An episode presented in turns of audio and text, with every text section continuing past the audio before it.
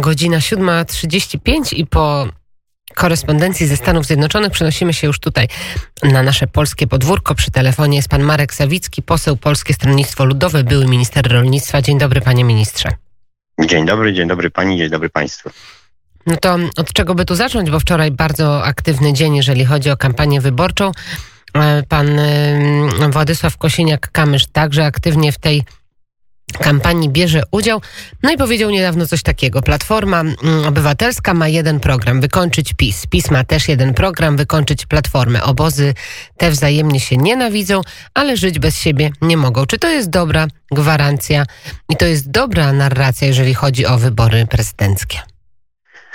Panie redaktor, czas pokaże, natomiast prawdą jest, że od 2005 roku mamy sztuczny spór popisowy, podgrzewany specjalnie przy okazji wyborów. Dlaczego tak sztuczny, było. panie ministrze? Dlatego, że są to środowiska wywodzące się z, te, z tego samego pnia i pokłóciły się tylko o tak zwaną Polskę e, liberalną i Polskę socjalną, ale de facto wielu ludzi, którzy pracowali w sztabach e, Platformy czy w sztabach e, PiSu, wielokrotnie wymieniali się miejscami i pracowali raz dla tych, raz dla tych. To środowisko postsolidarnościowe nie podzieliło się aż tak głęboko, jak udają to liderzy. Natomiast ja chcę zwrócić uwagę na bardzo ważny y, fakt, który miał miejsce w piątek w naszym Sejmie. To oczywiście nie jest zauważone. Y, z, z moim klubem Koalicji Polskiej złożyłem projekt uchwały, w której y, nawołuję wszystkie strony do jej podjęcia, że te wybory, bez względu na to, że są prowadzone w trybie zawieszenia konstytucji, to po przyjęciu ustawy sejmowej i po podpisaniu przez pana prezydenta wszyscy uczestnicy tej kampanii, wszystkie strony, a więc sztaby wyborcze, nie kwestionują prawomocności co do trybu przeprowadzenia tych wyborów. No i co się I stało? co ciekawe, mhm. i pani marszałek Litek, i pan marszałek Terlecki, i pani marszałek Kidawa-Błońska na prezydium jednomyślnie zdecydowali, że nie, taka uchwała nie jest potrzebna.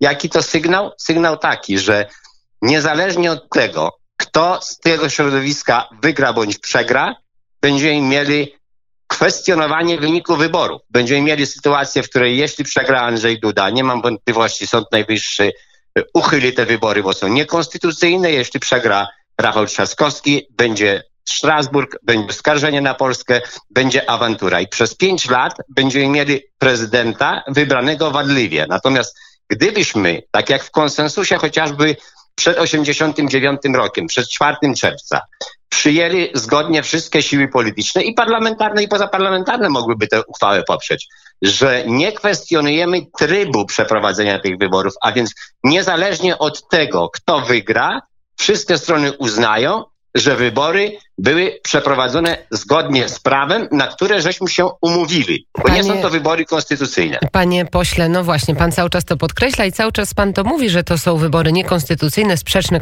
z konstytucją. Dlaczego pan tak sądzi? Bo ja przecież... nie mówię, że sprzeczne, ja mówię tylko, że są wadliwe. Stan konstytucyjny A, mhm. został, stan konstytucyjny, panie redaktor, został zawieszony dokładnie w dniu 10 maja, kiedy dwóch jarków umówiło się, że tych wyborów nie będzie, bo zwyczajnie odbyć się nie mogły, bo technicznie rządzący do tych wyborów nie byli przygotowani. Wyłączenie Państwowej Komisji Wyborczej z trybu wyborczego i przekazanie tego ministrowi Sasinowi, w jakimś sensie także yy, Ministerstwu yy, Aktywów Państwowych, sprawiło, że de facto komisje były niegotowe.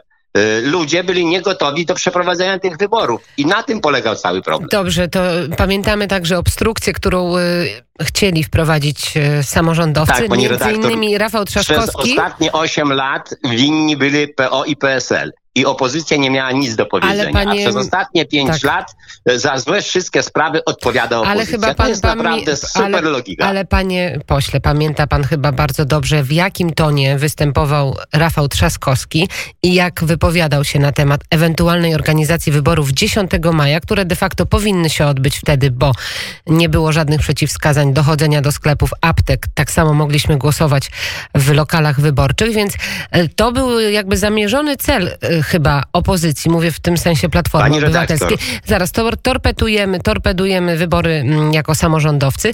W, w następstwie zmieniamy kandydata Małgorzatę Kidawę-Błońską i mamy Rafała Trzaskowskiego. No nie układa Pani się panu to redaktor, w logiczną proszę. całość? Proszę w tej sprawie nie obwiniać tylko Koalicji Obywatelskiej. Nie mam zamiaru być jej, że tak powiem, adwokatem, bo obu stronom chodziło o to, żeby te wybory jednak ostatecznie na miesiąc przed 10 maja już się nie odbyły, bo Prawo i Sprawiedliwość doskonale wiedziało, że od strony organizacyjnej klapa i że te wybory będą położone. A Platforma oczywiście chciała zmienić kandydata.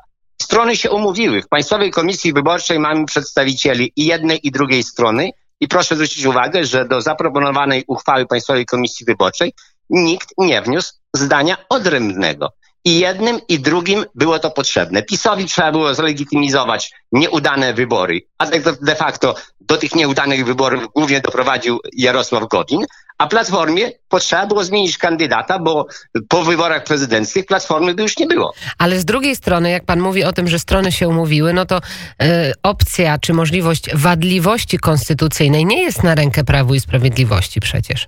Pani redaktor, jeśli przegra Andrzej Duda, jest na rękę. I co się wtedy I może stać? Jaki panią- pan, jaki pan widzi scenariusz wtedy, jak Andrzej Oczywiście, Duda że Sąd przegrywa? Najwyższy, Sąd Najwyższy unieważni te wybory, bo odbyły się w trybie niekonstytucyjnym.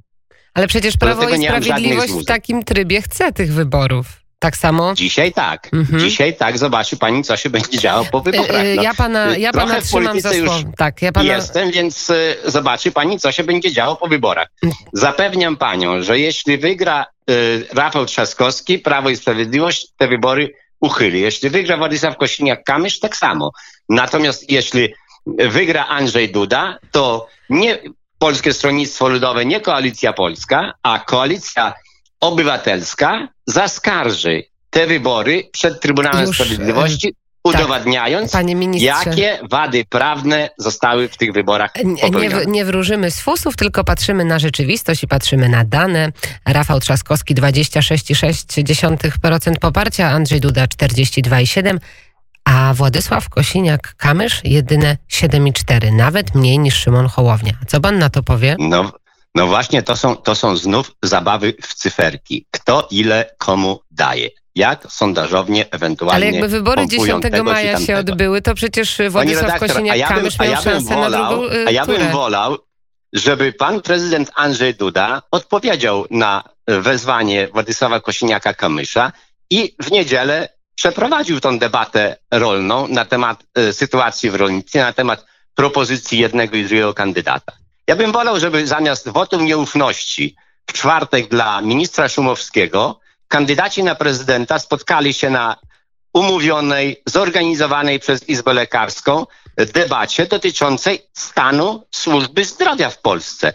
O tym chciałbym, żeby obywatele się dowiedzieli, żeby o tym kandydaci dyskutowali, a nie schowane o północy wotum nieufności, gdzie tak naprawdę istota sprawy i sytuacji w służbie zdrowia kompletnie została pan- pominięta. Była czy- tylko i wyłącznie kłótnia i awantura. Czy pan się zgadza ze słowami pana kolegi z PSL-u? Mówię tutaj o panu Janie Filipie Libickim, który mówi o tym, że media publiczne z planu Rabieja i z tego, co ewentualnie Trzaskowski z Rabiejem chcieli mm, zaproponować, mówię tutaj o sprawach związanych z LGBT, że będzie to miało bardzo duże znaczenie i dlatego kandydat Koalicji Obywatelskiej nie wygra z Dudą w drugiej turze.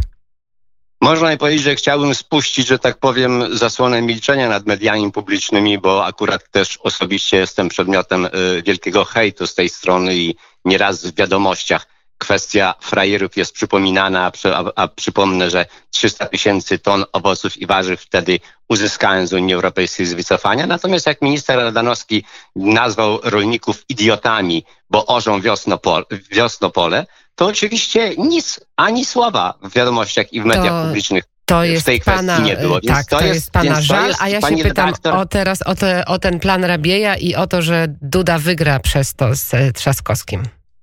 Pani redaktor, jeśli rzeczywiście Trzaskowski wejdzie do drugiej tury, co nie jest przesądzone, ja uważam, że kandydaci i Trzaskowski, i Hołownia, i y, Kosiniak-Kamysz mają równe szanse i tu może być kilkanaście procent u każdego i, i może czasami y, kilka głosów zdecydować, ale jeśli Trzaskowski wejdzie do drugiej tury, to dla Andrzeja Dudy jest to najlepszy rywal, bo ma pani rację. Kwestie światopoglądowe, kwestie związane z LGBT, z obyczajowością, e, z religijnością, to wszystko na dwa tygodnie e, odżyje i będzie e, z ogromną siłą koniec, do umysłów mm, ludzi pompowane. I na koniec pytanie, umawiamy się z panem ministrem, że o rolnictwie w kampanii też porozmawiamy, a teraz ostatnie pytanie.